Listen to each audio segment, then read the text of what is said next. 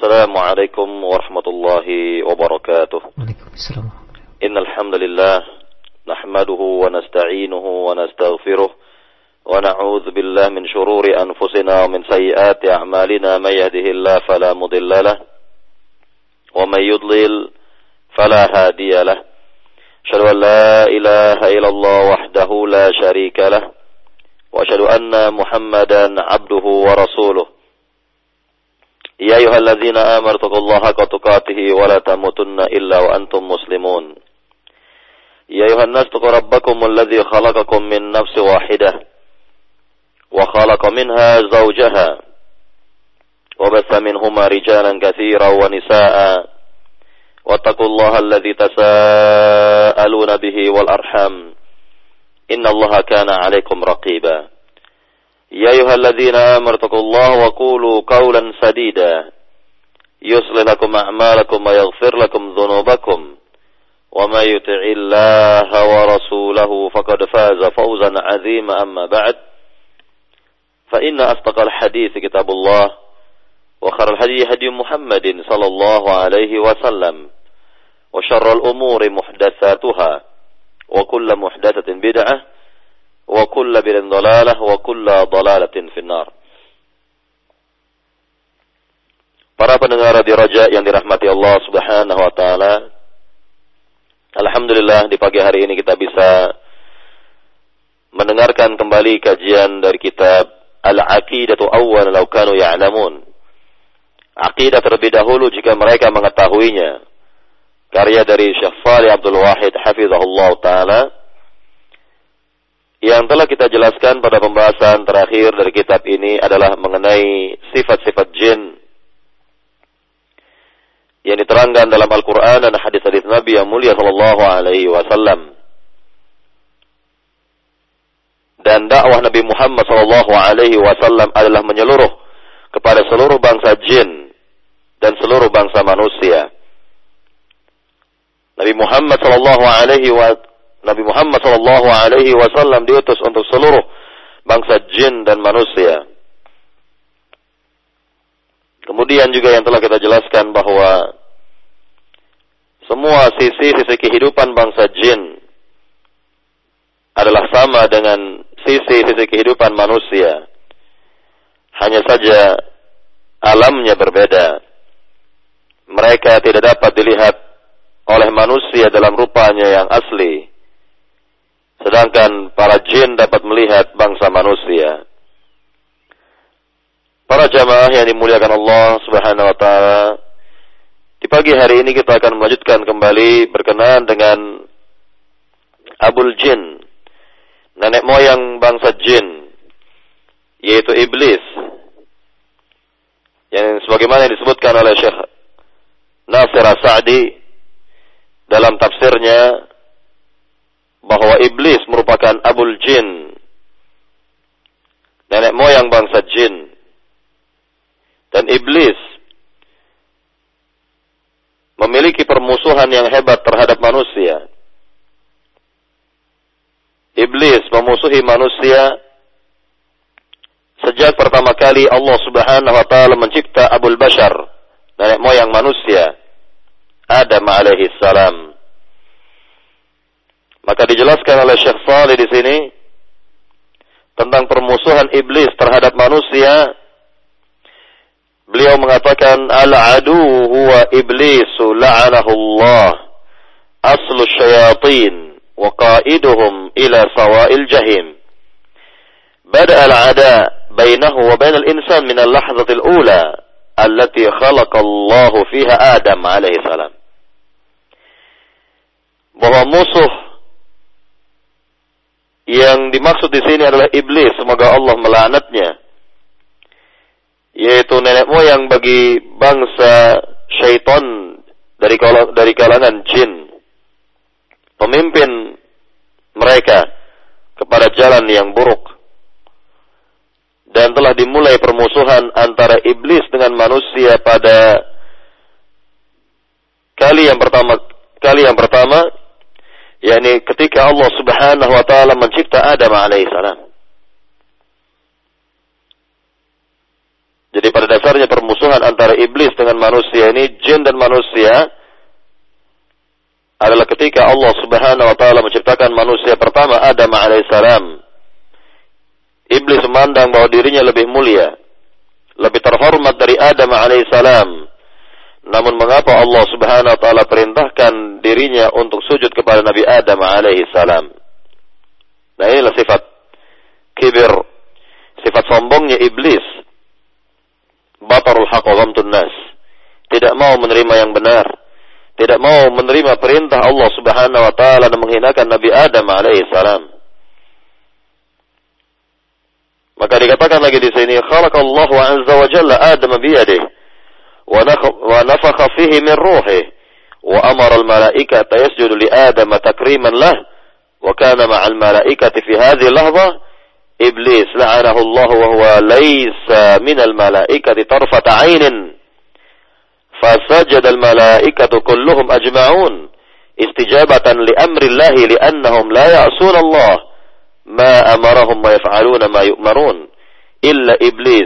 istakbara wa kana minal kafirin Dikatakan oleh Syekh Salih bahwa, bahwa Allah Subhanahu wa taala mencipta Adam alaihissalam dengan tangannya. Kemudian setelah dibentuk rupa Adam alaihissalam, maka ditiupkanlah ke dalamnya ruh dan Allah perintahkan kepada para malaikat untuk sujud kepada Nabi Adam sebagai pemuliaan penghormatan kepada Nabi Adam. Dan bersamaan dengan perintah dari Allah Subhanahu wa taala kepada malaikat yang ditujukan kepada malaikat, maka iblis pun diperintahkan oleh Allah Subhanahu wa taala untuk sujud kepada Adam alaihi salam. Dan yang perlu diingat di sini kata Syekh Salih bahwa iblis ini bukanlah tergolong dari malaikat, bukanlah tergolong dari bangsa malaikat. Maka dalam hal ini para malaikat sujud semuanya. Sujud seluruhnya kepada Adam alaihissalam dalam rangka memuliakan menghormati Nabi Adam alaihissalam. Dalam rangka memenuhi perintah Allah. Karena mereka itu tidak akan pernah bermaksiat terhadap Allah Subhanahu wa taala. Tidak akan pernah bermaksiat atas apa yang diperintahkan oleh Allah kepada mereka dan segera mengerjakan apa yang diperintah. Kecuali iblis istakbara wa kana minal kafirin bahwa dia sombong dan iblis termasuk dari hamba-hamba yang kufur kufur terhadap perintah Allah Subhanahu wa taala tidak mentaati perintah Rabbul Alamin inilah yang kita lihat dua keadaan yang bertolak belakang. Yang pertama adalah hamba-hamba Allah yang taat, yaitu para malaikat, di mana mereka taat atas perintah Rabbul Alamin. Ketika diperintah untuk sujud kepada Nabi Adam dalam rangka memuliakannya, segeralah mereka memenuhi perintah Rabbul Alamin. Sujud kepada Nabi Adam alaihi salam. Sujud penghormatan Adapun yang sebaliknya adalah iblis. Dia membangkang, tidak mentaati perintah Allah Subhanahu wa taala dan berkeyakinan bahwa dirinya lebih mulia, lebih baik dari Adam alaihissalam. Maka dalam hal ini Allah Subhanahu wa taala berfirman yang menjelaskan tentang apa yang diterangkan tadi dalam surat Sad ayat 71 sampai 74 Allah Subhanahu wa taala berfirman إذ قال ربك للملائكة إني خالق بشرا من طين فإذا سويته ونفخت فيه من روحي فقعوا له ساجدين فسجد الملائكة كلهم أجمعون إلا إبليس استكبر وكان من الكافرين Ya artinya ingatlah ketika Rabbmu berkata kepada para malaikat, sungguhnya aku menciptakan manusia dari tanah. Maka apabila manusia tersebut telah aku ciptakan dan ditiupkan kepadanya roh, maka sujud, sujudlah kalian semuanya kepadanya. Kemudian fasajadal malaikatu. Para malaikat itu sujud kepada Adam alaihissalam. Seluruh malaikat itu sujud kepada Nabi Adam alaihissalam illa kata Allah kecuali iblis yang sombong dan termasuk dari hamba-hamba yang kufur, mereka-mereka yang ingkar kepada Allah Subhanahu wa taala. Para pendengar di Raja yang dirahmati Allah Subhanahu wa taala, inilah yang kita lihat dari dalil-dalil ayat-ayat yang menjelaskan tentang penciptaan Adam alaihissalam. Kemudian perintah seluruhnya kepada malaikat dan iblis agar mereka semua sujud penghormatan atau memberikan penghormatan kepada Adam alaihissalam. Maka tidak ada yang bermaksiat atas perintah Allah ini, tidak ada yang menyalahi dan melanggar perintah Allah Subhanahu wa taala ini kecuali iblis. Maka dikatakan istakbara bahwa iblis itu sombong, yakni tidak uh, yakni menerima yang benar, tidak menerima perintah Rabbul Alamin. Wa nas dan menghinakan Adam alaihissalam dalam hal ini. Dan Allah katakan lagi wa kana minal kafirin. Dan sungguhnya iblis itu ya, yakni termasuk dari hamba-hamba yang kufur kepada Allah Subhanahu wa taala, ingkar terhadap perintah Allah Subhanahu wa taala. Para pendengar di Raja yang dimuliakan Allah Subhanahu wa taala, kita lihat selanjutnya dari ayat-ayat yang menjelaskan tentang faktor atau sebab di mana iblis tidak sujud kepada Nabi Adam alaihissalam. Disebutkan dalam surat Sad. Disebutkan dalam surat Sad ayat 75 dan 76. Allah Subhanahu wa taala berfirman, "Qala ya iblis, ma mana'aka an tasjuda lima khalaqtu bi yadayya? Astakbarta am kunta minal 'alin?" Qala ana khairum min khalaqtani min nar wa khalaqtahu min tin. Allah Subhanahu wa taala berfirman kepada iblis, "Wahai iblis, apa yang mencegah dirimu untuk sujud kepada Adam ketika aku telah cipta Adam dengan tanganku?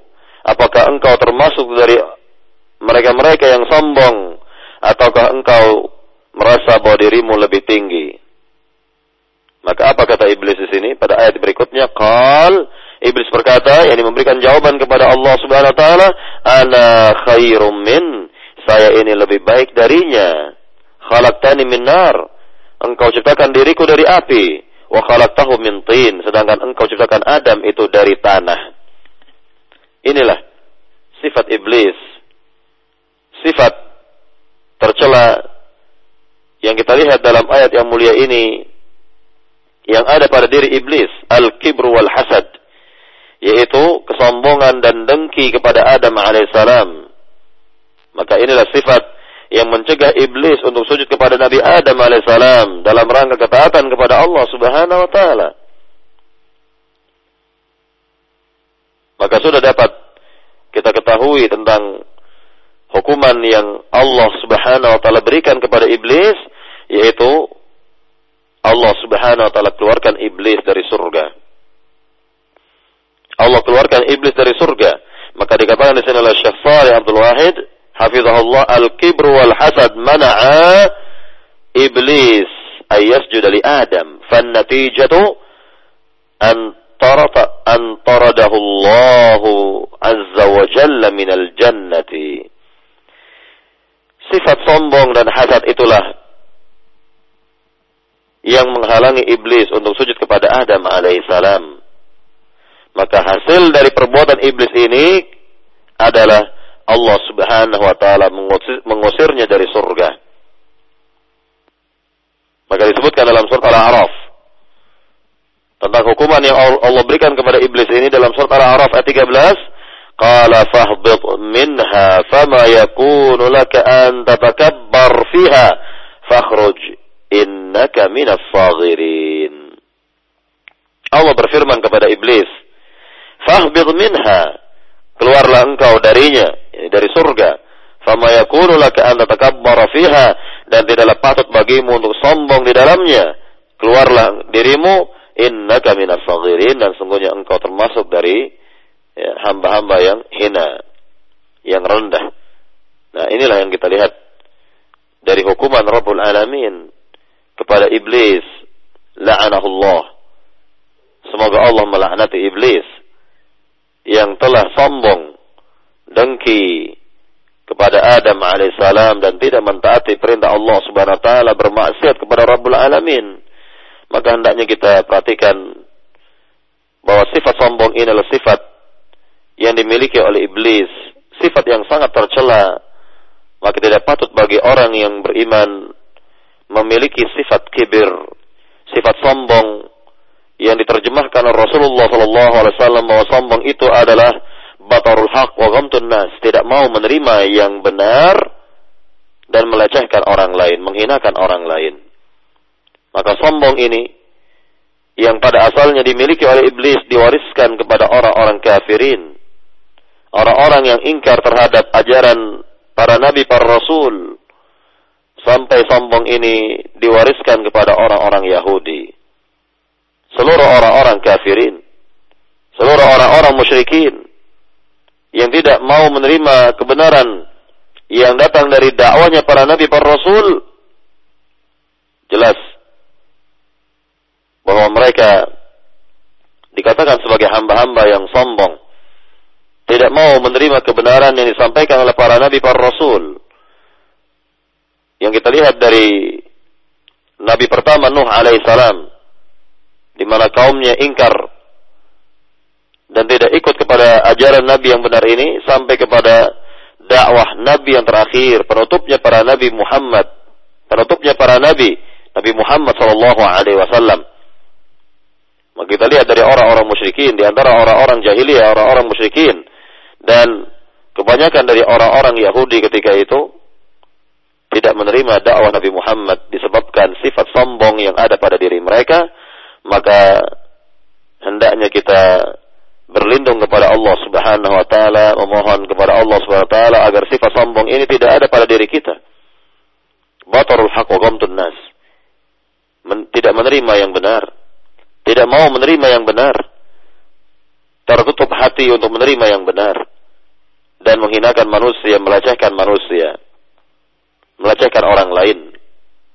Inilah makna sombong yang diterangkan oleh Rasulullah Shallallahu Alaihi Wasallam. Para pendengar radio Raja yang dirahmati Allah Subhanahu Wa Taala, kembali kepada hukuman yang Allah berikan kepada iblis, di mana iblis tidak mentaati perintah Allah Subhanahu Wa Taala, maka iblis menerima konsekuensinya yakni dikeluarkan dari surga oleh Allah Subhanahu wa taala, dilaknat oleh Allah Subhanahu wa taala, dicap sebagai hamba-hamba yang sombong dan sekaligus dicap sebagai hamba-hamba termasuk dari hamba-hamba yang kufur kepada Allah Subhanahu wa taala. Nah, sekarang kita lihat lagi dalam ayat yang lain dalam surat Al-A'raf pula dalam ayat yang ke-18 Allah Subhanahu wa taala berfirman kepada iblis ini, "Qala khruj minha madh'uman madhura laman tabi'aka minhum la'amla'anna jahannama minkum ajma'in."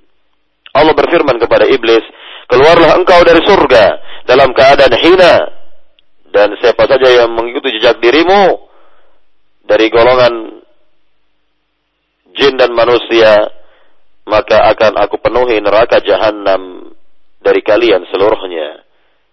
Ya, dari orang-orang, dari mereka-mereka yang mengikuti jejak iblis, baik dari kalangan manusia maupun jin. Siapa saja dari mereka yang ternyata terbukti mengikuti jejak iblis dalam kehidupan dunia ini, maka kelak di negeri akhirat Allah Subhanahu wa taala telah menjanjikan bagi mereka azab dan neraka jahanam wal billah. Maka dikatakan di sini oleh Syekh Salih, fa'urifa fa'arafa iblis annahu qad turid min rahmatillah qad turid min al-jannati fatalaba min Allah an yanzurahu ila yaumil qiyamah. Maka iblis mengetahui bahwa dirinya telah dijauhi oleh Allah Subhanahu wa taala dari rahmatnya. Nah, inilah yang dimaksud dengan laknat. Ini yang dimaksud dengan laknat. Bahwa makna laknat itu adalah at-tardu min rahmatillah. Terjauh dari kasih sayang Allah Subhanahu wa taala. Terjauh dari rahmat Allah Subhanahu wa taala. Ini mana laknat. Kemudian dikatakan lagi di sini bahwa iblis telah mengetahui bahwa dirinya telah dikeluarkan dari surga. Maka iblis memohon kepada Allah agar umurnya ditangguhkan sampai kiamat tiba. Inilah permohonan, permintaan iblis. Ketika dihinakan oleh Allah Subhanahu wa taala dikeluarkan dari surga dilaknat oleh Allah Subhanahu wa taala dicap sebagai hamba yang sombong dan kufur kepada Allah Subhanahu wa taala. Namun iblis memohon dan meminta kepada Allah agar umurnya ditangguhkan, dipanjangkan sampai kiamat tiba. Apa kata Allah Subhanahu wa taala mengenai hal ini? Dalam surat Al-Hijr ayat 36 Allah berfirman, "Qala rabbi fa'anzirni" Qala rabbi fa'anzirni ila yaumi yub'atsun. Iblis berkata kepada Allah, "Wahai Rabbku, tangguhkanlah umurku. Panjangkanlah umurku sampai hari makhluk dibangkitkan, yakni sampai kepada hari kiamat tiba." Inilah permohonan iblis kepada Allah Subhanahu wa taala agar umurnya dipanjangkan dan tentunya Allah Subhanahu wa taala Maha mengetahui. Allah Subhanahu wa taala Maha adil. Allah Subhanahu wa taala Maha sempurna. Dan Allah kabulkan apa yang diminta oleh iblis ini dijelaskan oleh Syekh mengenai ayat yang mulia ini ai utrukni hayyan ila yaumil qiyamah ولحكمة يعلمها الله أنظره حيا إلى يوم القيامة لا يموت وكان طلبه ذلك لا ليتوب من ذنبه ولكن لينتقم من آدم وذريته Para pendengar di Raja yang dimuliakan Allah Subhanahu wa taala, Syekh Salim mengatakan di sini mengenai ayat yang tadi dibacakan qala rabbi fa'anzirni ila yaumil yub'atsun yakni biarkanlah diriku ya Allah hidup sampai kiamat tiba. Dan dikarenakan hikmah yang telah diketahui oleh Allah Subhanahu wa taala, maka Allah tangguhkan, Allah panjangkan umurnya iblis sampai kiamat tiba. Namun kita ingat di sini kata Syekh Salih bahwa permintaan iblis ini bukan dalam rangka bertaubat kepada Allah dari dosanya namun dalam rangka membalas dendam terhadap Adam dan keturunannya. Nah, inilah yang telah diketahui oleh Allah Subhanahu wa taala jauh sebelum iblis dicipta. Di mana Allah Subhanahu wa taala memiliki ilmu yang maha sempurna. Mengetahui apa yang telah terjadi, mengetahui apa yang sedang terjadi dan mengetahui pula apa yang bakal terjadi nanti sampai kiamat tiba. Sampai di negeri akhirat. Semua telah diketahui oleh Allah Subhanahu wa taala dan Allah Subhanahu wa taala berkeinginan mencipta iblis. Walaupun dalam satu sisi yang lain Allah telah mengetahui bahwa iblis ini akan ingkar kufur kepada Allah.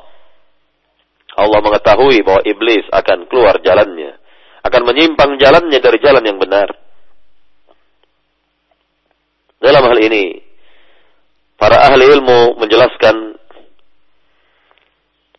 mengenai dua hal yang seolah-olah bertolak belakang. Yang pertama adalah bahwa Allah Subhanahu wa taala berkeinginan mencipta iblis. Tentunya dengan hikmah yang telah diketahui oleh Allah Subhanahu wa taala. Namun kita ingat dalam sisi yang lain Allah juga mengetahui bahwa Allah tidak suka kepada iblis. Tidak senang kepada iblis. Tidak ridha kepada perbuatan-perbuatan iblis. Bahkan Allah melaknat iblis, Allah mengeluarkan iblis dari surga. Maka hal ini diterangkan oleh sebagian ahli ilmu mengenai jawaban bahwa apa yang diinginkan oleh Allah Subhanahu wa taala yaitu dua keinginan tersebut yang seolah-olah bertolak belakang, maka bisa kita terangkan dengan akal sehat. Yakni misalnya ada orang sakit. Di mana orang sakit ini dihadapkan dengan obat yang sangat-sangat pahit. Satu sisi, orang yang sakit ini ingin sekali kesembuhan yang dengan izin Allah Subhanahu wa taala disembuhkan oleh Allah Subhanahu wa taala jika memakan obat tersebut. Namun sisi yang lainnya, orang yang sakit ini tidak ingin obat tersebut karena pahitnya luar biasa. Nah inilah dua hal yang bertolak belakang dan ini yang kita lihat dari keinginan Rabbul Alamin Allah Subhanahu wa taala dan yang demikian tidaklah mustahil bagi Allah Subhanahu wa taala namun karena hikmah-hikmah yang sangat banyak dari penciptaan iblis Allah cipta iblis kemudian Allah laknat iblis Allah keluarkan dari surga namun Allah tangguhkan umur iblis sampai kiamat tiba maka di antara hikmah dari penciptaan iblis tersebut adalah yang dijelaskan oleh para ahli ilmu di antaranya adalah untuk menguji kehidupan manusia. Siapa di antara mereka yang beriman kepada Allah akan terlihat. Dan siapa yang beriman kepada iblis pun akan terlihat. Dengan demikian Allah wajar Allah Subhanahu wa taala mencipta surga dan neraka sebagai balasan bagi orang-orang yang beriman kepadanya dan sebagai balasan bagi orang-orang yang beriman kepada iblis. Para pendengar radio Raja yang dimuliakan Allah Subhanahu wa taala. Dan tentunya tentunya masih banyak lagi. Masih banyak lagi hikmah-hikmah yang terkandung dari penciptaan iblis. Maka kita lihat di sini keterangan lebih lanjut dari Syekh Salih. Wa fi hadzal waqt atau fi hadzal waqt alladhi tarada Allah iblis min al-jannah wa min rahmatih askarallahu Adam al-jannah. Yani pada waktu Allah Subhanahu wa taala mengusir iblis dari surga dan ter, dan Allah menjauhkan iblis dari rahmatnya, Allah Subhanahu wa taala menempatkan Adam di dalam surga. Nah, inilah kita lihat bahwa Adam alaihissalam yang dicipta oleh Allah Subhanahu wa taala dengan tangannya ditempatkan di dalam surga menikmati nikmat-nikmat surga Allah Subhanahu wa taala berfirman mengenai hal ini dalam surah Al-A'raf ayat 19 wa ya Adam uskun anta wa zawjuka al-jannah fakula minha haitsu syi'tuma wa la taqraba hadhihi asy-syajarata fatakuna minadh dhalimin dan ya, dikatakan wahai Adam tinggallah engkau bersama istrimu di dalam surga. Makanlah darinya apa yang kalian suka dan janganlah kalian berdua mendekati pohon ini fatakuna minadh zalimin dan sungguh kalian nanti akan menjadi atau termasuk dari orang-orang yang zalim. Allah Subhanahu wa taala telah peringatkan Adam alaihissalam dari iblis. Allah Subhanahu wa taala telah peringatkan Adam alaihissalam dari bahaya iblis. Dari tipu daya iblis.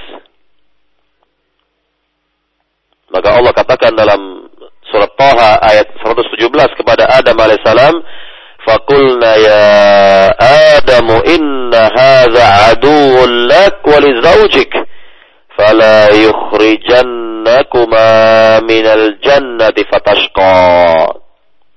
Maka kami berkata kepada Adam, Wahai Adam, sungguhnya iblis ini adalah musuh bagimu dan musuh pula bagi istrimu. Maka janganlah iblis menyebabkan kalian berdua keluar dari surga maka kalian akan sengsara.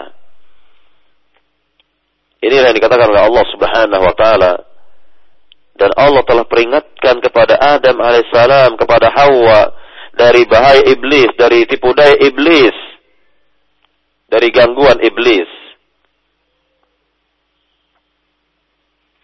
Jadi Allah Subhanahu wa taala telah peringatkan jauh Allah telah peringatkan Adam alaihissalam dari bahaya iblis ini. Namun kita lihat iblis yang lebih dahulu diciptakan Allah Subhanahu wa taala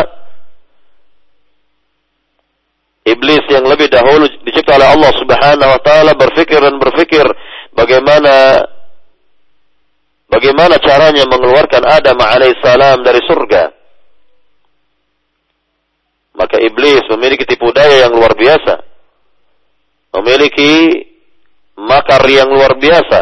Maka dikatakan di sini oleh Syekh Salih fa'akhadha iblis yufakkir kaifa yantaqim min Adam fa'akhadha yuwaswisu lahu min ba'id fi surat nasihil amin maka iblis dikatakan berfikir dan berfikir bagaimana caranya membalas dendam kepada Adam alaihissalam maka iblis dari kejauhan membisikkan kepada Adam alaihissalam yakni iblis dalam penampilan hamba yang memberikan nasihat lagi terpercaya. Apa kata iblis dalam firman Allah Subhanahu wa taala? Ini kita lihat tipu daya iblis.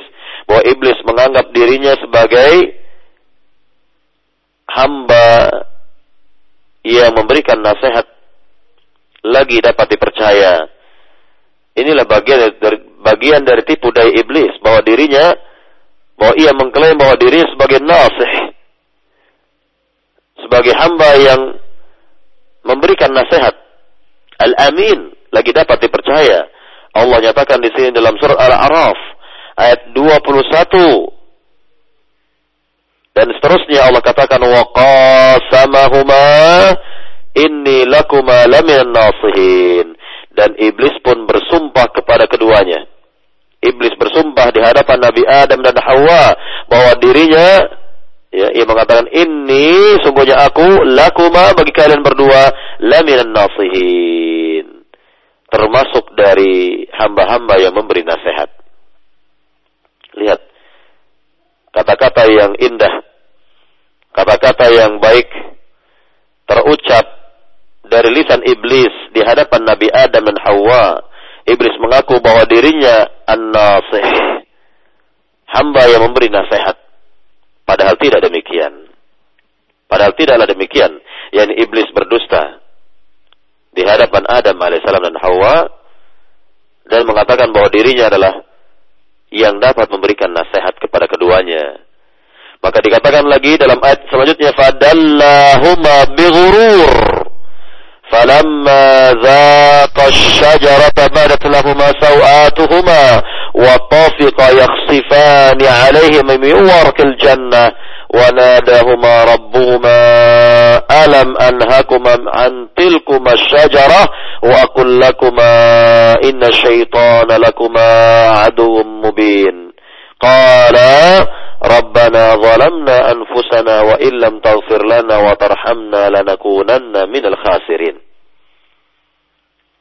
Maka iblis dikatakan sini, maka iblis menunjukkan kepada keduanya dengan tipu daya. Maka apabila keduanya, maka ketika keduanya telah memakan buah dari pohon larangan tersebut, lepaslah dari keduanya pakaian-pakaian mereka. Dan mereka segera bergegas mencari daun-daun surga untuk menutupi aurat mereka. Kemudian Rabb mereka memanggil atau menyerukan kepada mereka, bukankah aku telah melarang kalian dari pohon tersebut? Dan bukankah aku telah mengatakan kepada kalian bahwa sungguhnya syaitan itu sebagai musuh yang nyata bagi kalian berdua? Kala maka keduanya berkata, ini Adam dan Hawa berkata, Rabbana, wahai Rabb kami. Ini doa. Dan taubatnya Nabi Adam alaihissalam.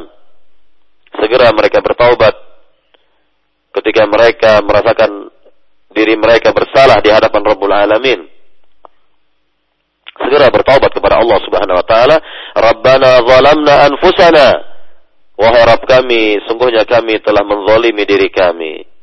Wa illam taghfir lana dan jika engkau tidak mengampuni diri kami wa tarhamna dan tidak pula merahmati diri kami lanakun lanakunanna minal khasirin sungguh kami termasuk dari orang-orang yang merugi. Para pendengar di Raja yang dimuliakan Allah Subhanahu wa taala. Di sini kita lihat tipu daya iblis. Tipu daya iblis, makarnya iblis kepada Adam dan Hawa, kepada manusia pertama ini. Pertama bahwa iblis berbohong dan berdusta mengaku di hadapan Adam dan Hawa sebagai nasihun amin. Sebagai hamba yang dapat memberikan nasihat lagi dapat dipercaya. Lihat dua kata yang indah ini. Terlontar dari lisan iblis kepada keduanya. Mengaku, iblis mengaku bahwa dirinya sebagai hamba yang dapat memberikan nasihat.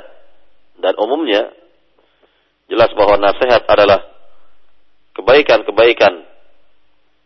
Kemudian iblis menyatakan bahwa dirinya amin. Al-amin dapat dipercaya.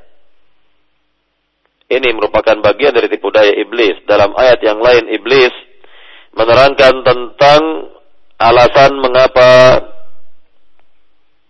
Allah Subhanahu wa taala melarang kepada Adam dan Hawa untuk tidak makan buah dari pohon larangan tersebut maka iblis memberikan tipu dayanya bahwa apabila Adam alaihissalam memakan buah dari pohon larangan tersebut, imma Adam akan menjadi malaikat atau Adam kekal di surga selama-lamanya.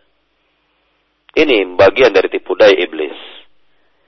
Ini bagian dari tipu daya iblis kepada Adam alaihissalam yang mengatakan bahwa apabila Adam dan Hawa memakan buah dari pohon larangan tersebut, maka imma Adam akan menjadi malaikat makhluk yang mulia atau Adam akan kekal di surga untuk selama-lamanya.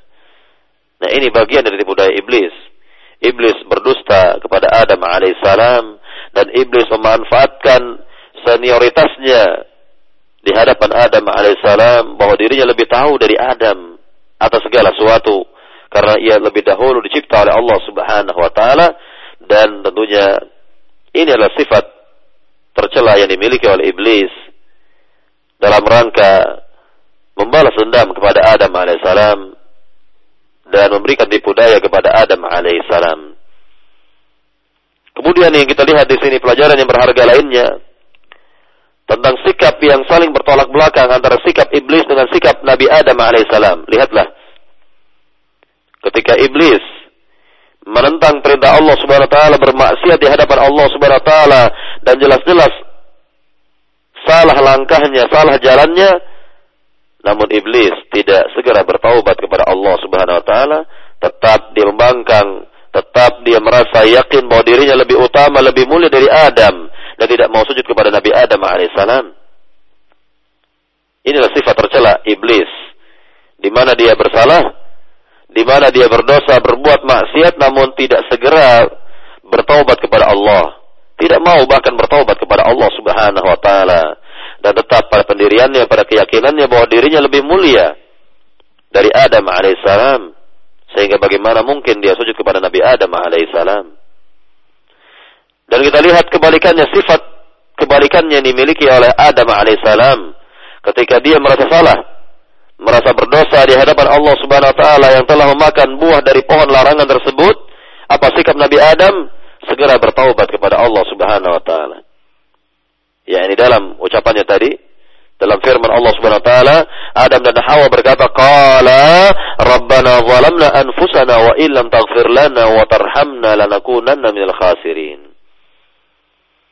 Keduanya berkata, "Wahai Rabb kami, sungguh kami telah menzalimi diri kami dan jika engkau tidak mengampuni kami dan merahmati diri kami, sungguh kami akan menjadi orang-orang yang atau termasuk dari orang-orang yang merugi. Ini sikap yang baik. Sikap yang terpuji yang harus kita contoh, yang harus kita tiru bahwa manusia ketika berbuat kesalahan, berbuat dosa, segeralah bertobat kepada Allah Subhanahu wa taala segera mohon ampun kepada Allah Subhanahu wa taala dan jangan sampai kita memiliki sifat yang tercela yang dimiliki oleh iblis. Tidak mau bertaubat. Enggan beristighfar kepada Allah Subhanahu wa taala. Ingatlah sabda Nabi yang mulia sallallahu alaihi wasallam di mana Nabi yang ma'asum menjadi contoh bagi kita semua Nabi Shallallahu Alaihi Wasallam telah bersabda dalam hadisnya yang sahih kata Nabi yang mulia, Ayuhan nas, tubu ila Allah taubatan nasuha, fa inni atubu ila Allah fil yaumi mi'ata marrah. Wahai segala manusia, wahai umatku, segeralah kalian bertaubat kepada Allah Subhanahu wa taala dengan taubat nasuha karena sungguhnya aku bertaubat dan beristighfar kepada Allah dalam sehari seratus kali. Ini contoh yang sangat baik. Contoh yang mulia bahwa Nabi Muhammad SAW adalah manusia yang maksum, terpelihara dari dosa, terpelihara dari kesalahan. Namun dia, namun beliau memberikan contoh kepada umat ini bahwa beliau beristighfar, bertaubat kepada Allah dalam sehari seratus kali. Lalu bagaimana dengan kita yang setiap hari berbuat dosa dan maksiat? Bagaimana dengan kita yang setiap hari berbuat dosa dan maksiat maka hendaknya bertaubat beristighfar kepada Allah Subhanahu wa taala. Dan di antaranya juga membaca Sayyidul Istighfar, doa penghulunya istighfar. Membaca zikir pagi dan sore, beristighfar kepada Allah, bertaubat kepada Allah Subhanahu wa taala. Nah, inilah langkah yang kita lihat dari Adam alaihissalam. Jalan yang benar yang ditunjukkan oleh Adam alaihissalam bahwa ia segera bertaubat kepada Allah Subhanahu wa taala, memohon ampun kepada Allah Subhanahu wa taala.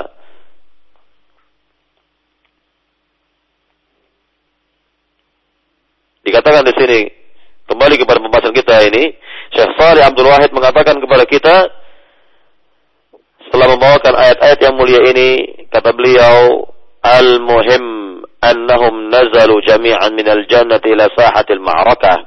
Yang terpenting bahwa mereka semua, baik iblis maupun Adam dan Hawa, turun seluruhnya atau dikeluarkan seluruhnya dari surga menuju medan pertempuran ila sahatil ma'rakah.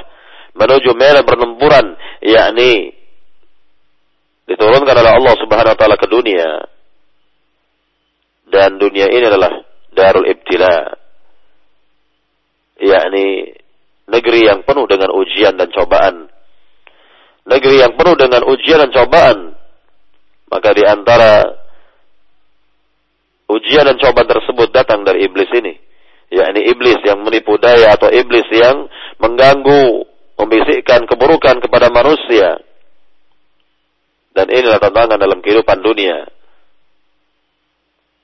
maka dikatakan lagi sekali lagi, maka dikatakan di sini dalam surat Taha ayat 123 Allah Subhanahu wa taala berfirman kepada mereka, "Qala bita minha jami'a ba'dukum li ba'din adu." Allah berfirman kepada keduanya ini Adam dan Hawa, "Ihbita minha jami'a." Keluarlah kalian berdua dari surga, yakni sebagian kalian atau sebagian yang lain adalah sebagai musuh. Tentunya iblis memusuhi Adam alaihissalam. Iblis memusuhi manusia pertama. Dan inilah yang kita lihat dari permusuhan iblis yang pertama kali kepada Abul Bashar, nenek moyang manusia Adam alaihissalam. Allah subhanahu wa ta'ala berfirman dalam surat yang lain. Dalam surat Al-A'raf ayat 24 mengenai hal ini. Qala bitu ba'dukum li ba'din adu. Walakum fil ardi mustaqarru wa mata'un ilahin. Allah berfirman kepada seluruhnya, kepada Adam alaihissalam, Hawa dan Iblis, yakni keluarlah kalian seluruhnya dan sebagian kalian menjadi musuh atau sebagian yang lain dan bagi kalian permukaan bumi ini tempat menetapnya kalian dan tempat yakni mataun ilahin kalian yakni uh, bersenang sampai waktu yang telah ditentukan Inilah yang kita lihat dari keterangan Rabbul Alamin bahwa dunia ini sebagai tempat tinggal bagi dua makhluk ini. Tempat tinggal bagi manusia dan jin.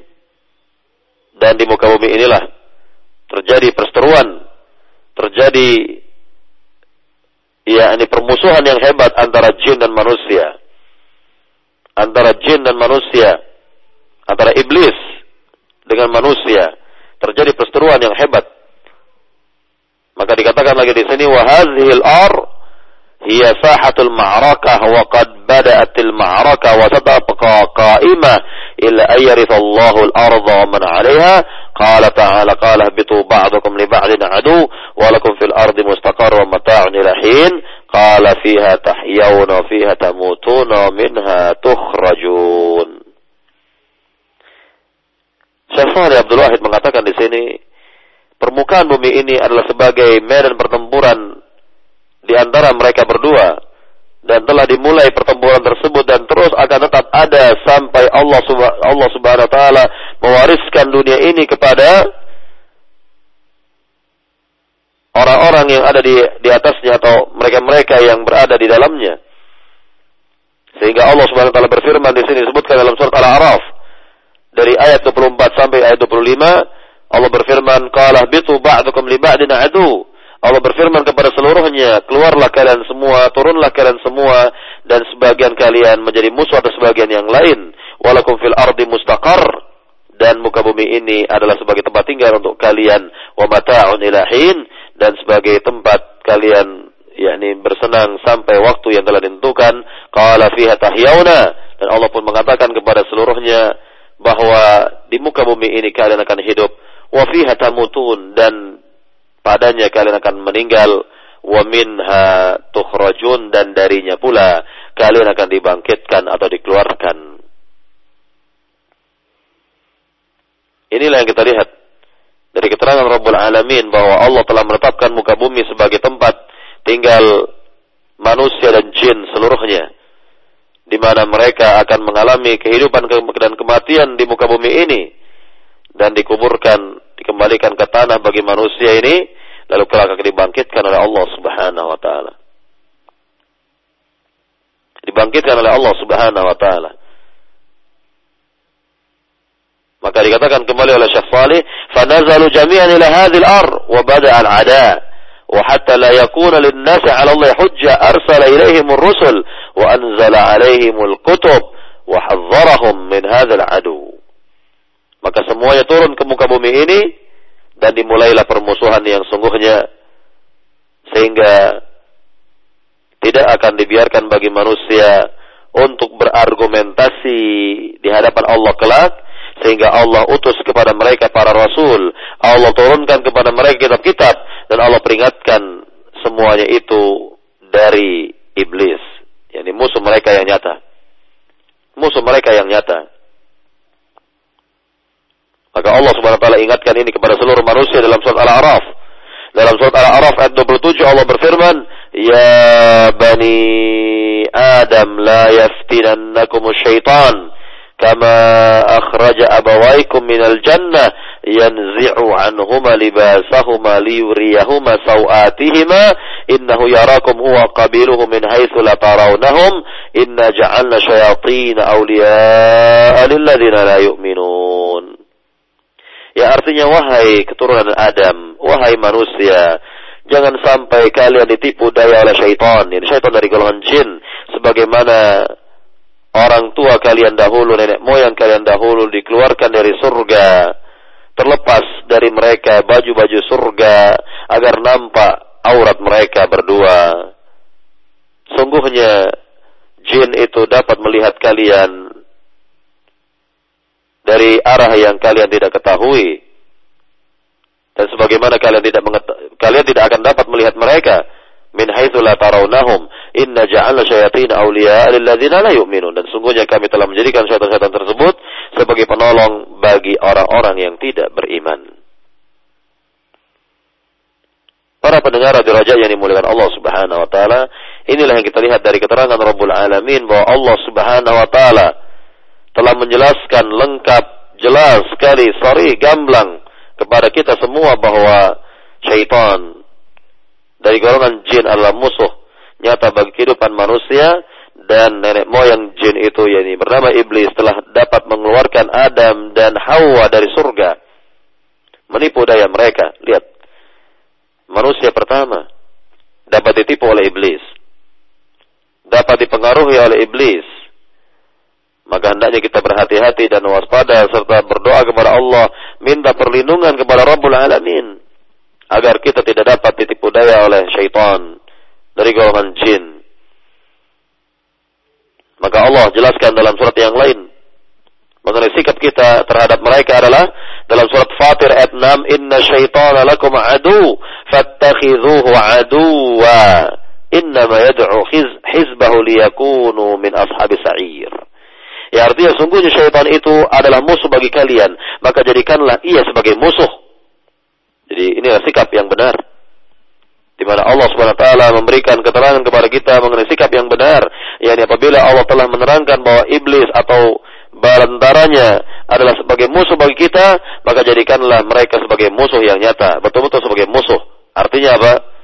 Bahwa dikatakan mereka sebagai musuh agar kita berhati-hati, agar kita berwaspada terhadapnya, dan sebenarnya tidaklah takut, tidak boleh takut terhadap musuh. Jika kita takut terhadap musuh, maka musuh akan berani terhadap diri kita. Inilah terkandung pelajaran berharga dari pernyataan Allah Subhanahu wa taala bahwa mereka sebagai musuh manusia. Maka Allah katakan fattakhidhuhu aduwa, maka jadikanlah dia sebagai musuh. Betul-betul dijadikan sebagai musuh. Dikarenakan apa? Innama yad'u hizbahu liyakunu min ashabis sa'ir. Karena sungguhnya mereka mengajak kepada kelompoknya, yakni kepada mereka-mereka yang terkena dengan yakni gangguannya, godaannya, tipu dayanya liyakunu min ashabis sa'ir agar mereka semua menjadi penduduk neraka. Nauzubillah.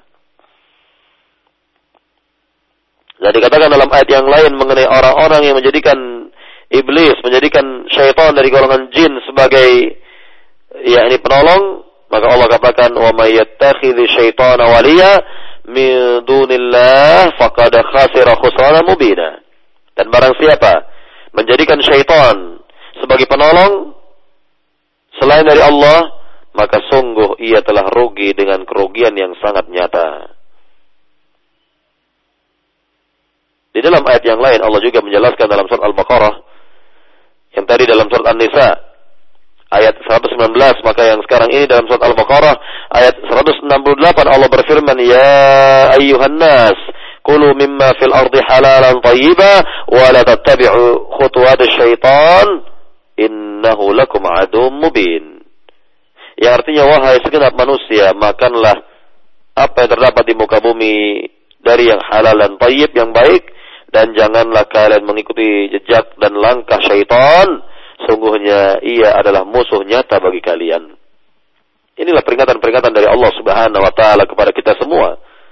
Peringatan-peringatan dari Allah Subhanahu wa taala agar kita memiliki sikap yang nyata sikap yang jelas terhadap syaitan terhadap iblis dan balantaranya menjadikan mereka betul-betul sebagai musuh. Dan sikap kita adalah waspada dan hati-hati terhadap musuh ini. Karena tipu dayanya sangatlah nyata tipu dayanya sangatlah ya, nyata dan tentunya banyak orang-orang tergelincir. Banyak orang-orang yang ikut dengan tipu daya iblis. Tipu daya balantara iblis. Maka Allah subhanahu wa ta'ala sekali lagi peringatkan kita dari musuh yang nyata ini. Maka dikatakan, Fahazzarallahu ibadah, kata Syekh Salih, Fahazzarallahu ibadahu min hadzal adu, fala hujjata lak يوم القيامة ولذلك ولذلك الذين عبروا الشيطان واستجابوا له فالله يوبخهم يوم القيامة Dikatakan di sini maka Allah Subhanahu wa taala peringatkan para hamba ini dari musuh yang nyata, maka tidak ada argumentasi bagi dirimu kelak di negeri di negeri akhirat maka dengan demikian orang-orang yang menyembah syaitan, ya, orang-orang yang menyembah syaitan, maka Allah Subhanahu wa taala kelak di negeri akhirat akan menjelek kejelekan mereka, akan menghinakan mereka sebagaimana Allah berfirman dalam surat Yasin ayat 60 sampai 62 Allah berfirman, "Alam a'had ilaikum ya bani Adam alla ta'budu syaitan." innahu lakum adu mubin. Wa an i'buduni hadza siratun mustaqim wa laqad adalla minkum jibillan katsira afalam takunu ta'qilun. Ya artinya bukankah aku telah memperingatkan kepada kalian wahai anak Adam wahai keturunan Adam agar kalian tidak beribadah kepada syaitan agar kalian tidak menyembah syaitan. Dan sungguhnya syaitan itu sebagai musuh nyata bagi kalian. Dan hendaknya kalian semua menyembah diriku. Inilah jalan yang lurus dan sungguh telah tersesat dari diri kalian orang-orang yang banyak sekali. Afalan takunu ta'qilun tidakkah kalian berfikir dalam hal ini? Tidakkah kalian berfikir kata Allah Subhanahu wa taala bahwa Allah telah jelas-jelas menerangkan kepada kita bahwa iblis dan marantaranya sebagai musuh yang nyata bagi kita maka hendaknya kita perhatikan dan perhatikan kembali, renungkan kembali ayat yang mulia ini. Para pendengar derajat yang dirahmati Allah Subhanahu wa taala, iblis bersumpah kepada Allah Subhanahu wa taala bahwa dirinya akan senantiasa menyesatkan kehidupan manusia sebagaimana iblis nyatakan hal ini dalam firman Allah Subhanahu wa taala dalam surat Al-A'raf ayat 16 dan 17 Allah berfirman mengenai perkataan iblis ini qala fabima aghwaytani la'aq'udanna lahum siratakal mustaqim. Thumma la'atiyannahum min bayni aydihim wa min khalfihim wa an aymanihim wa an wa la tajidu aktsarahum syakirin Artinya iblis berkata kepada Allah yaitu dengan sebab engkau telah menghinakan diriku ini maka aku akan berupaya berusaha untuk memalingkan mereka dari jalanmu yang lurus. Kemudian aku akan datangkan, aku akan datang kepada mereka dari hadapan mereka, dari belakang mereka, dari arah kanan mereka, dari arah kiri mereka. Dan engkau ya Allah tidak akan mendapatkan kebanyakan mereka bersyukur kepadamu. Inilah sumpah iblis kepada Allah subhanahu wa ta'ala. Di mana iblis yang telah diberikan umur panjang oleh Allah, maka iblis tidak menyia-nyiakan waktu yang panjang ini, maka iblis berupaya berusaha untuk menyesatkan jalannya manusia. Maka dalam ayat yang lain, kita lihat sumpahnya iblis ini dalam surat Sad ayat 82 sampai 83 Allah berfirman mengenai sumpahnya iblis, "Qala fa bi'izzatika la'ughwiyannahum ajma'in illa ibadaka minhumul mukhlasin." Qala, yani iblis berkata, maka dengan kemuliaan dirimu aku akan simpangkan mereka semua kecuali kecuali hamba-hambamu yang ikhlas kecuali hamba-hambamu yang ikhlas para jamaah para pendengar di raja yang dimuliakan Allah Subhanahu wa taala inilah janji iblis maka iblis berjanji untuk menyesatkan sebanyak-banyaknya yakni manusia dari jalan Allah Subhanahu wa taala dan tidak ada yang dapat diganggu oleh iblis kecuali orang-orang yang ikhlas. Maka inilah pentingnya Allah Subhanahu wa taala mengutus para nabi para rasul yang menjelaskan kepada mereka semua inti ajaran para nabi para rasul yaitu ikhlasul ibadah lillah, mengikhlaskan ibadah hanya karena Allah Subhanahu wa taala. Dan ikhlas ini merupakan rahasia dari agama Islam atau inti dari ajaran agama Islam yang dibawa oleh Rasulullah Shallallahu Alaihi Wasallam. Dan juga kita katakan dalam salat kita iya karena abudu wa iya karena stain hanya kepada engkau lah kami menyembah atau beribadah dan hanya kepada engkau lah kami minta pertolongan. Inilah bentuk yakni uh, dari makna kalimat tauhid. Bentuk dari makna kalimat la ilaha illallah. Betul-betul memurnikan seluruh ibadah mengalamatkan seluruh ibadah karena Allah Subhanahu wa taala dan bukan karena yang lain. Inilah ditekankan oleh Rasulullah SAW kepada umat ini agar mereka semua ikhlas dalam beribadah kepada Allah Subhanahu wa taala, maka jika mereka sudah dikategorikan sebagai hamba-hamba Allah yang ikhlas, maka tentunya tidak akan dapat diganggu dan ditipu, dan ditipu daya oleh iblis. Tidak akan dapat diganggu oleh iblis. Sulit iblis mengganggu dan menjerumuskan orang-orang yang ikhlas Inilah yang dikatakan oleh iblis, illa ibadaka minhumul mukhlasin, kecuali hamba-hambamu yang ikhlas. Para jamaah, para pendengar di roja yang dimulakan Allah Subhanahu wa taala, inilah kiranya pembahasan kita di pagi hari ini berkenaan dengan permusuhan iblis kepada manusia yang sudah dimulai oleh iblis ketika Allah Subhanahu wa taala mencipta manusia pertama Adam alaihissalam maka hendaknya kita berhati-hati dari tipu daya iblis. Kita mohon kepada Allah Subhanahu wa taala perlindungan dari tipu daya iblis. Dan tentunya Rasulullah Shallallahu Alaihi Wasallam telah banyak mengajarkan kepada kita agar terhindar dari tipu daya iblis. Di antaranya adalah memurnikan tauhid, memurnikan ibadah ini hanya kepada Allah Subhanahu wa taala. Mengikhlaskan seluruh ibadah-ibadah hanya kepada Allah Subhanahu wa taala. Kemudian berdoa meminta perlindungan kepada Allah Subhanahu wa taala agar tidak dapat ditipu daya oleh iblis dan agar hati ini istiqamah pada kebenaran. Kemudian kiat-kiat yang lainnya yang dijelaskan oleh para ahli ilmu agar kita terhindar dari tipu daya iblis. Wallahu taala alam. Dan kita akan lanjutkan pembahasan ini insyaallah taala pada pekan depan masih berkenaan dengan permusuhan iblis kepada manusia dengan menyebutkan dalil-dalil yang terdapat dalam ayat Al-Quran maupun hadis-hadis Nabi yang mulia Sallallahu Alaihi Wasallam yang menjelaskannya. Dan tentunya semuanya ini sebagai petunjuk bagi kita agar kehidupan kita ini baik dapat menghindar dari tipu daya iblis. Dan kita sekali lagi memohon berdoa kepada Allah Subhanahu wa taala agar diri kita, keluarga kita dan kaum muslimin diselamatkan oleh Allah Subhanahu wa taala dari tipu daya iblis. Para para pendengar radio Roja yang dimulakan Allah Subhanahu wa taala, barangkali inilah penjelasan di pagi hari ini ya, berkenaan dengan tipu daya iblis dan permusuhan iblis kepada manusia dan jika ada pertanyaan maka dikembalikan kepada pembawa acara tafadhol.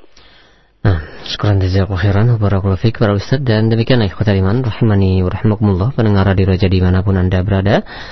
Pembahasan yang telah disampaikan oleh Al-Ustaz Arman Amri Alsi Hafizullah dari pembahasan Al-Aqidatu awalan laukanu ya'lamun akidah terlebih dahulu jika mereka mengetahui dari pembahasan mengenai iblis. Mudah-mudahan apa yang kita simak bersama bermanfaat bagi kita semua dan untuk selanjutnya kami akan mengangkat pertanyaan yang uh, sudah masuk melalui pesan singkat kami akan dahulukan pertanyaan yang sudah masuk melalui singkat. Uh, mohon maaf pada pendengar yang ingin menghubungi kami di, melalui line telepon. Uh, harap bersabar sejenak. Yaitu yang pertama Ustaz ada dua pertanyaan senada di antaranya dari hamba Allah yang berada di Bogor dan penanya yang lainnya yaitu Bapak Waluyo di Cikarang Ya Ustaz, apakah jumlah iblis itu satu ataukah emang memang lebih dari satu Ustaz? Iya, berkenaan dengan iblis yang dikatakan oleh Syekh Nasir As-Sa'di rahimahullah taala dalam kitab tafsirnya bahwa iblis merupakan abul jin, nenek moyang bangsa jin. Sebagaimana Adam alaihissalam sebagai abul bashar, nenek moyang uh, bangsa manusia, maka iblis yakni satu dia iblis satu dia ditangguhkan oleh Allah umurnya iblis ini tidak adalah iblis tidak ada lagi iblis yang lain. Karena Allah Subhanahu wa taala mengajak bicara kepada satu iblis. Pembicaraan yang khitab. Yang ditujukan kepada iblis satu. Dan bukan dua bukan tiga. Nah inilah yang kita lihat. Ya sebagaimana sekali lagi Adam alaihissalam sebagai uh, sebagaimana Adam alaihissalam sebagai nenek moyang bangsa manusia, maka iblis adalah nenek moyang bangsa jin. Maka di antara keturunan-keturunan iblis itu ada yang beriman kepada Allah Subhanahu wa taala dan di antara mereka kufur dan ingkar kepada Allah Subhanahu wa taala sebagaimana keturunan-keturunan Nabi Adam alaihissalam ada yang kufur dan ingkar kepada Allah Subhanahu wa taala ada pula di antara mereka yang beriman kepada Allah Subhanahu wa taala. Baik. Nah, ya, syukur jazak khair atas jawaban Ustaz dan selanjutnya masih di pesan singkat yang kedua. Ya Ustaz, uh, akhir-akhir ini beredar buku mengenai dialog antara uh, jin dan manusia yang dikatakan di situ bahwa jin itu uh, jin muslim. Apakah buku memang buku tersebut bisa dijadikan untuk kita mengetahui uh, alam jin Ustaz? Untuk mengetahui alam jin yang merupakan perkara gaib cukup kita yakni mendapatkannya dari Al-Quran dan hadis-hadis Nabi yang mulia Sallallahu Alaihi Wasallam. Keterangan dari para salafus salih dalam hal ini dan bukan dari orang-orang yang ada di zaman sekarang. Bahkan sumber pengambilannya tadi dikatakan dari dialog antara jin muslim dengan seorang begitu, maka tidak dapat dipercaya. Yang seperti ini dapat tidak dapat dipercaya dan ini pula termasuk dari tipu daya jin. Bagian dari tipu daya syaitan. Di mana dalam dialog tersebut pasti akan disimpangkan kepada hal-hal yang tidak benar. Diarahkan kepada hal-hal yang merusak. Maka bagaimana mungkin dapat dipercaya, dapat diyakini keterangan-keterangan tersebut sedangkan kita tidak dapat melihat bangsa mereka dalam rupa mereka yang asli. Namun jinlah yang dapat melihat yakni bangsa manusia. Maka tidak dapat dipercaya yang seperti ini. Dan sekali lagi bahwa sumber pengambilan agama ini harus dari Al-Quran dan hadis Nabi yang mulia Shallallahu Alaihi Wasallam dengan pemahamannya para salafus salih. Buku-buku yang menjelaskan uh, yakni dialog antara jin muslim tersebut katanya dengan seorang maka tidak dapat dijadikan sebagai sumber dan rujukan umat ini. Kembalilah kaum muslimin kepada Al-Qur'an. Kembali kepada hadis-hadis Nabi yang mulia sallallahu alaihi wasallam yang menjelaskannya. Maka tidak ada penjelasan yang lebih baik terutama mengenai alam gaib kecuali dari dua sumber ini. Al-Quran dan hadis Nabi yang mulia Sallallahu Alaihi Wasallam. Dan cukup bagi kita untuk mengetahuinya dari sumber yang utama ini Al-Quran dan hadis Nabi yang mulia Sallallahu Alaihi Wasallam. Jadi banyak cara untuk menyimpangkan manusia, banyak cara untuk menyesatkan kehidupan manusia. Nah, di antaranya ini beredar mungkin buku-buku yang katanya ya, hasil dialog dengan jin Muslim, ya, dan disebarkan ke tengah umat. Di mana umat Islam ini kebanyakan awam terhadap agama ini sehingga banyak pula di antara mereka yang termakan dengan hal-hal yang demikian. Dan sungguh tidak dapat diterima oleh akal sehat. Bagaimana orang dikatakan dapat menerima keterangan-keterangan dari jin yang mengaku diri sebagai muslim.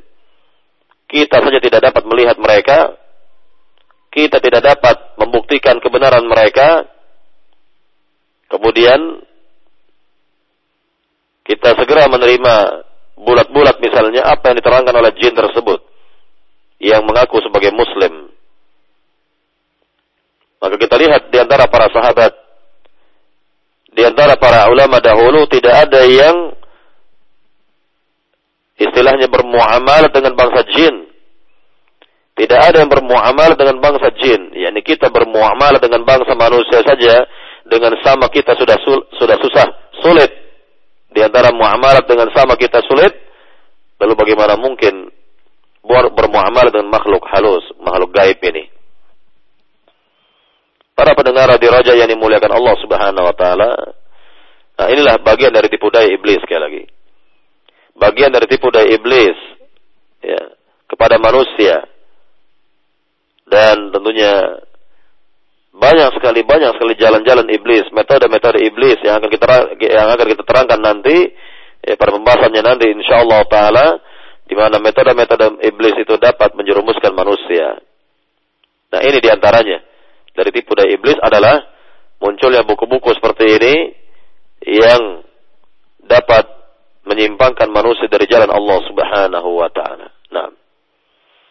Nah, sekarang jazakallahu khair dan selanjutnya kami beri kesempatan bagi Anda yang ingin bertanya langsung di line telepon anda bisa menghubungi kami di 021 823 6543 silahkan bagi Anda yang ingin bertanya langsung. Ya, halo. Halo. Waalaikumsalam warahmatullahi wabarakatuh. Dengan siapa di mana? Halo? Halo? Iya, diperkeras Pak suaranya, sangat kecil sekali terdengarnya. Eh, lagi online ya Pak? Betul Pak. Mau bertanya? Halo? Iya, silahkan Pak, mau bertanya langsung. Iya, mohon maaf kepada penanya dikarenakan kurang jelas dan selanjutnya kami masih memberikan kesempatan bagi penanya yang uh, ingin bertanya langsung silahkan Anda bisa menghubungi kami di line telepon di 021 823 6543. Halo. Halo, Assalamualaikum. Waalaikumsalam warahmatullahi wabarakatuh. Mohon dikecilkan terlebih dahulu volume radionya, Umu. Iya. Uh, Iya, dengan siapa di mana? Uh, Umu Rizky di Bekasi Timur. Silakan, Bu Rizky. Ustaz maaf ini mungkin pertanyaannya kurang ini ya. Tapi saya mau tahu ada keterangan ada uh, iblis kan diusir dari apa surga ya karena uh, apa ketidaktaatannya. Kemudian uh, uh, demikian pula Nabi Adam. Tapi Nabi Adam diciptakan Hawa untuk menjadi temannya. Yang mau saya tanyakan, uh, iblis ini menikah dengan siapa? Karena karena dia kan beranak lima gitu. Uh, mohon ada adakah keterangannya? Pertanyaan ini bukan bermaksud apa pun, tapi adakah keterangannya bagaimana kehidupan iblis setelah itu? Jika kalau, kalau khair, makasih, syukran Ustaz. Assalamualaikum. Waalaikumsalam warahmatullahi wabarakatuh. Silakan Ustaz. Ya, sebagaimana yang telah kita terangkan dahulu mengenai sifat-sifat iblis bahwa secara umum e, iblis atau jin ya, iblis tadi dikatakan sebagai nenek moyang bangsa jin, maka jin ya e, secara umum kehidupannya sama dengan manusia, bahwa mereka beranak pinak, mereka berketurunan. Betul yang disebutkan dalam ayat-ayat uh, atau dalil yang telah kita sebutkan itu bahwa Adam alaihissalam diberi pasangan oleh Allah Subhanahu wa taala yaitu Hawa. Yang dengannya ya Adam alaihissalam dapat memiliki keturunan. Demikian pula iblis. Allah Subhanahu wa taala ciptakan pasangan bagi iblis ya dan dengannya pula iblis memiliki keturunan yang banyak. Memiliki keturunan yang banyak. Maka ini yang telah kita jelaskan dahulu ya, dari pembahasan terdahulu mengenai sifat-sifat jin. Ya, sekali lagi mengenai sifat-sifat jin bahwa mereka berketurunan. Ya maka uh, ini merupakan sunatullah yang berlaku kepada yang berlaku bagi uh, jin dan manusia. Yang berlaku bagi jin dan manusia. Yang jelas tidak atau belum kita ketahui dalil yang menerangkan siapa yang yakni menjadi pasangan iblis. Yang jelas uh, yang menjadi pasangan iblis jelas dari bangsa jin itu sendiri di mana Allah Subhanahu wa taala ciptakan ya segala sesuatu ini berpasang-pasangan maka tidak ya mustahil dan mudah bagi Allah Subhanahu wa taala untuk menciptakan bagi mereka pasang-pasangannya. Dan tentunya iblis uh, dicipta oleh Allah Subhanahu wa taala sampai akhir zaman sampai kiamat tiba. Namun untuk jin-jin yang lainnya tidaklah demikian. Mereka mengalami kematian dan kehidupan, mengalami kehidupan dan kematian.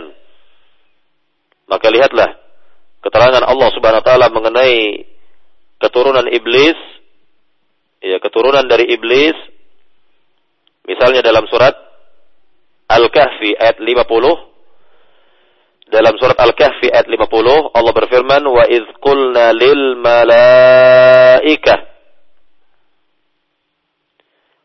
wa idz qulna lil malaikati isjudu li adama fasajadu illa iblis kana minal jinni fafasaqa an amri rabbih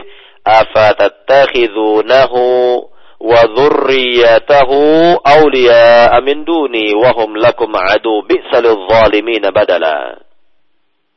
Nah, dikatakan di sini oleh Allah dalam surat Al-Kahfi ayat 50 dan ingatlah ketika kami berkata kepada para malaikat sujudlah kalian semua kepada Adam maka sujudlah mereka semuanya kecuali iblis dan adalah iblis termasuk dari bangsa jin yang menyelisihi perintah Rob mereka Robnya maka apakah kalian akan menjadikan iblis dan keturunannya? Lihat di sini. Allah sebutkan zurriyatahu. yakni zurriyatu iblis, keturunan iblis. Jadi anak-anaknya iblis. Berarti dijelaskan bahwa iblis memiliki anak, memiliki keturunan, yang sudah pasti bahwa ia juga pasti memiliki pasangan, pasangan hidup. Nah, di sini disebutkan oleh Syekh Saleh Abdul Wahid dari pertanyaan dalam kitab beliau ini, halil jinni wa syayatin yatazawajun wa yatanasalun wa lahum? Apakah bangsa jin itu menikah dan mereka memiliki keturunan? Ya, nah inilah jawaban ayat yang tadi disebutkan sebagai jawabannya ayat yang tadi disebutkan sebagai jawabannya dan dikatakan oleh Syekh Saleh di sini fafil ayah dalilun ala anna al-jin yatanakahun min ajli dzurriyyah anna lahum dzurriyyah ayat yang mulia ini sebagai dalil bahwa bangsa jin itu menikah untuk memiliki keturunan dan jelas-jelas bahwa mereka memiliki keturunan. Jadi inilah yang bisa kita jelaskan dari ayat yang mulia bahwa iblis memiliki keturunan yang disebutkan oleh Allah zurriyatahu dalam ayat yang mulia ini. Dalam surat Al-Kahfi sekali lagi ayat 50. Para pendengar Radio Raja yang dimulakan Allah Subhanahu wa taala, inilah ya sekali lagi yang bisa kita terangkan mengenai sisi kehidupan e, bangsa jin dan manusia yang tentunya sama, tidak ada bedanya. Seluruh sisi kehidupan jin dan manusia pada dasarnya sama, tidak ada bedanya sama sekali. Yang membedakan hanyalah alam saja. Mereka alam gaib, alam halus, adapun kita alam nyata, ya, yang tentunya sangatlah berbeda. Mereka dapat melihat bangsa manusia, adapun bangsa manusia tidak dapat melihat bangsa jin dalam rupa mereka yang asli. Nah, silakan. Nah, sekarang jajal khair atas jawabannya dan selanjutnya masih di lain telepon di 0218236543. Ya, terputus.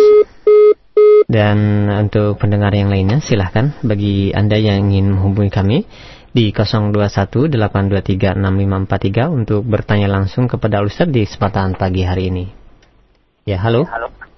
Assalamualaikum. Waalaikumsalam warahmatullahi wabarakatuh. Mohon di uh, kecilkan atau dimatikan saja lain telepon apa uh, volume radionya. Iya. Iya, dengan siapa di mana? Pak Hairudin di Cimanggis. Silakan. Assalamualaikum guys. Saya mau menanyakan soal eh, jin ini, setan. Nah, ini ada saya baca suatu kitab. Dia bilang kalau ada petir itu, ada seperti begitu, kita baca Auzubillah minasyaitonirrajim gitu. Karena dia dalam kalau ada petir itu berarti eh, ini ada kalau ada setan itu disambar gitu dia e, dan pecah gitu banyak dia nggak mati disambar kalau ada di orang dia disambar juga orangnya kena katanya gitu jadi di kitab itu begitu dan kita mesti membaca auzubillah minasyaitonirrajim itu apa ada dalilnya atau gimana kita bisa keterangan Baik. Terima kasih Ustaz. Assalamualaikum warahmatullahi wabarakatuh. Waalaikumsalam warahmatullahi wabarakatuh. Ya, silakan. Iya, pertanyaannya tolong diulangi eh, uh, dia uh, yaitu Pak Hairudin yang berada di Cimanggis pernah membaca di suatu buku apabila ter, ada suatu petir maka kita disyariatkan untuk membaca ta'awud karena di situ dituliskan pula jika ada petir maka uh, jin itu terkena petir dan sering kita lihat ada orang yang terkena petir kemudian mati berarti di situ ada jinnya. Apakah memang benar hal tersebut? Iya sekali lagi ini berkenaan dengan perkara gaib ya, berkenaan berkenaan dengan perkara gaib maka tidak ada yang mengetahui perkara gaib eh, dan tidak tidak bisa kita mengetahui hal-hal seperti ini kecuali dengan dalil. Kecuali dari dalil baik dari Al-Qur'an maupun dari hadis Nabi yang mulia sallallahu alaihi wasallam. Dan tentunya apa yang dikatakan oleh si penanya itu eh, tidak jelas ya yakni dalilnya. Tidak jelas ya sekali lagi tidak jelas dalilnya. Bahkan mungkin tidak disebutkan dalil yakni apa dalil yang menyebabkan hal seperti itu terjadi maka jika perkara-perkara gaib yang tidak disertakan dengan dalil atau tidak diterangkan dengan dalil maka jangan dipercaya jangan diyakini. Hendaknya kita kembali kepada keterangan para ahli ilmu dalam hal ini ya keterangan dari para ulama dalam hal ini dan tentunya hendaknya kita melandasi keyakinan kita itu dengan Al-Quran ataupun hadis Nabi yang mulia Sallallahu Alaihi Wasallam. dengan penjelasan dari salafus salih radhiyallahu taala anhum ajma'in. Jadi sekali lagi ya apa yang diterangkan tadi tidaklah jelas ya tidaklah nyata yang demikian dan boleh jadi kitab-kitab atau buku-buku yang dibaca itu berbau khurafat, tahayul ataupun yang semisalnya yang tidak bisa dipertanggungjawabkan. Ya, karena memang tidak ditopang oleh dalil yang jelas, oleh bukti yang jelas. Ya. Dan tentunya kita kembalikan semuanya ini kepada yakni uh, Al-Quran dan hadis Nabi yang mulia Sallallahu Alaihi Wasallam. Dan jika tidak ada dalil yang menjelaskannya, maka tidak boleh kita berluas-luas pembicaraan, ya, karena akan uh, ya ini menyimpang dari pembicaraan tersebut dan berkata tentang suatu tanpa dasar, tanpa tanpa ilmu, dan ini sangat berbahaya.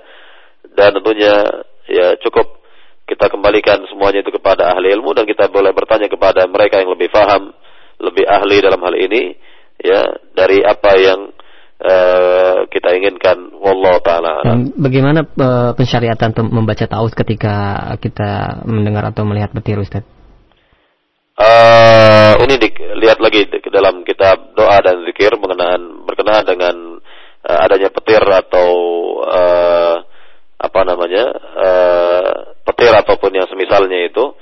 Dan uh, ada doa khusus dalam hal ini ya dan juga tentunya bukan dengan ta'awuz ya bukan dengan ta'awuz adapun bacaan ta'awuz a'udzubillahi minasyaitonirrajim itu berkenaan dengan perlindungan atau mohon perlindungan kepada Allah Subhanahu wa taala dari gangguan syaitan. Dari gangguan syaitan. Jadi tidak ada hubungannya petir dengan jin sekali lagi. Tidak ada hubungannya petir dengan jin tersebut. Dan uh, saya yakini bahwa apa yang terdapat dalam buku itu ini berbau khurafat. Ya, berbau khurafat tahayul dan tidak benar sama sekali. Ya adapun kita membaca ta'awud adalah karena kita minta perlindungan dari Allah Subhanahu wa taala dari gangguan jin bukan dari petir ya bukan dari dari petir ataupun yang semisalnya. Jadi jadi dari gangguan jin. Misal ya kita baca ta'awud misalnya ketika kita akan baca Al-Qur'an Al-Karim. Ya ketika kita akan baca Al-Qur'an Al-Karim secara umum ya ini baca ta'awud terlebih dahulu ya ataupun minta perlindungan-perlindungan lainnya kepada Allah dalam berbagai aktivitas lainnya yang memang ya boleh jadi syaitan dapat nimrung atau ikut serta dalam aktivitas tersebut dalam aktivitas tersebut ya intinya kita minta perlindungan kepada Allah dari gangguan jin dan sekali lagi tidak ada hubungan sama sekali jin dengan petir tadi wallahu taala alam Nah, sekarang jazal khairan dan selanjutnya eh, masih di lain telepon di 021 823 6543. Ya, halo. Halo, Assalamualaikum. Waalaikumsalam warahmatullahi wabarakatuh. Dikecilkan terlebih dahulu volume radionya, Mu. Oh iya. Eh. Iya, dengan siapa di mana? Dengan hamba Allah di Lampung. Iya, silahkan. Assalamualaikum, Ustaz. Ustaz, ini Ana mau nanya mengenai godaan setan ini ya, Ustaz. Uh, anak kan uh, dalam taklim itu ibu-ibu itu meminta anak agar mengisi taklim tersebut. Dan anak berusaha bagaimana mengisinya dan uh, ilmu yang anak dapat dari roja itu anak sampaikan. Seperti halnya al-yawma akmaltu itu dan maaf biasa itu kan sudah dijelaskan ya agama Islam itu akan diterima oleh Allah apabila amalannya sempurna. Dan di dalam hati anak itu tiap hari belajar dan belajar membaca kitab-kitab yang ada di rumah untuk uh, anak sampaikan kepada ibu-ibu. Apakah uh, langkah anak ini termasuk dorongan aku atau godaan setan Ustaz? Itu aja. Assalamualaikum warahmatullahi wabarakatuh. Waalaikumsalam warahmatullahi wabarakatuh. Baik, ini bagus sekali. Jadi bagi ibu yang bertanya, uh, hendaknya belajar terlebih dahulu dan terus belajar mengenai agama ini. Yang pertama yang harus ibu pelajari adalah bahasa Arab terlebih dahulu sebelum yang lain. Mempelajari bahasa Arab karena dia sebagai uh, yakni pintu gerbang di dalam memahami Al-Quran dan hadis Nabi yang mulia Shallallahu Alaihi Wasallam. Mempelajari bahasa Arab terlebih dahulu ya minimal kalau sudah membaca bisa membaca kitab ya yang berbahasa Arab uh, dan itu dapat difahami dengan baik, bacanya dengan baik, difahami dengan baik, maka terus yakni mempelajari Al-Qur'an dan hadis-hadis Nabi Shallallahu alaihi wasallam dan yang terpenting duduk di majelis ilmu. Duduk di hadapan orang yang berilmu di majelis ilmu dan ini diupayakan untuk dicari majelis ilmu ini agar kita dapat menimba ilmu langsung kepada ahlinya dan ini merupakan keutamaan yang sangat besar. Adapun mempelajari agama, apalagi mempelajari agama dari uh, sumber atau buku-buku terjemahan misalnya, ya maka ini ada manfaatnya dan banyak sekali eh, hal-hal uh, yang uh, tidak baik yang akan dijumpai. Ya, misalnya kita tidak mengetahui apakah terjemahan tersebut benar atau ya salah ya atau uh, banyak istilah-istilah yang mungkin tidak kita fahami sehingga harus bertanya dan memerlukan orang yang membimbing kita dalam hal ini. Jadi banyak kekurangan-kekurangan kalau kita langsung ya ini belajar dengan kitab apalagi tadi tidak tidak memiliki uh, dasar bahasa Arab yang mumpuni dan juga uh, uh, yakni alat-alat lainnya untuk memahami agama ini, maka uh, saya katakan kepada ibu yang bertanya ataupun yang semisalnya agar belajar terlebih dahulu dan terus belajar menguasai bahasa Arab terlebih dahulu, kemudian melanjut kepada mempelajari Al-Quran dan hadis-hadis Nabi Shallallahu Alaihi Wasallam, mempelajari akidah eh, terlebih dahulu, ya dan yang lainnya. Jadi prosesnya panjang dalam hal ini. Jangan uh, tergesa-gesa di dalam menyampaikan uh, dakwah ini ya yakni jangan tergesa-gesa dalam uh, berdakwah seperti yang tadi dijelaskan maka akan timbul mudarat yang besar akan timbul bahaya yang sangat besar uh, nantinya dan akan berdampak buruk bagi dakwah ya, yang baik ini ke depannya. Jadi sekali lagi ya tidak boleh tergesa-gesa dalam uh, berdakwah sekali lagi haruslah dakwah itu didasari oleh ilmu yang baik, ilmu yang kuat, ilmu yang uh, cukup untuk uh, yakni diterangkan dan diberikan kepada orang lain dan syarat-syarat lain yang dijelaskan oleh para ahli ilmu dalam hal ini.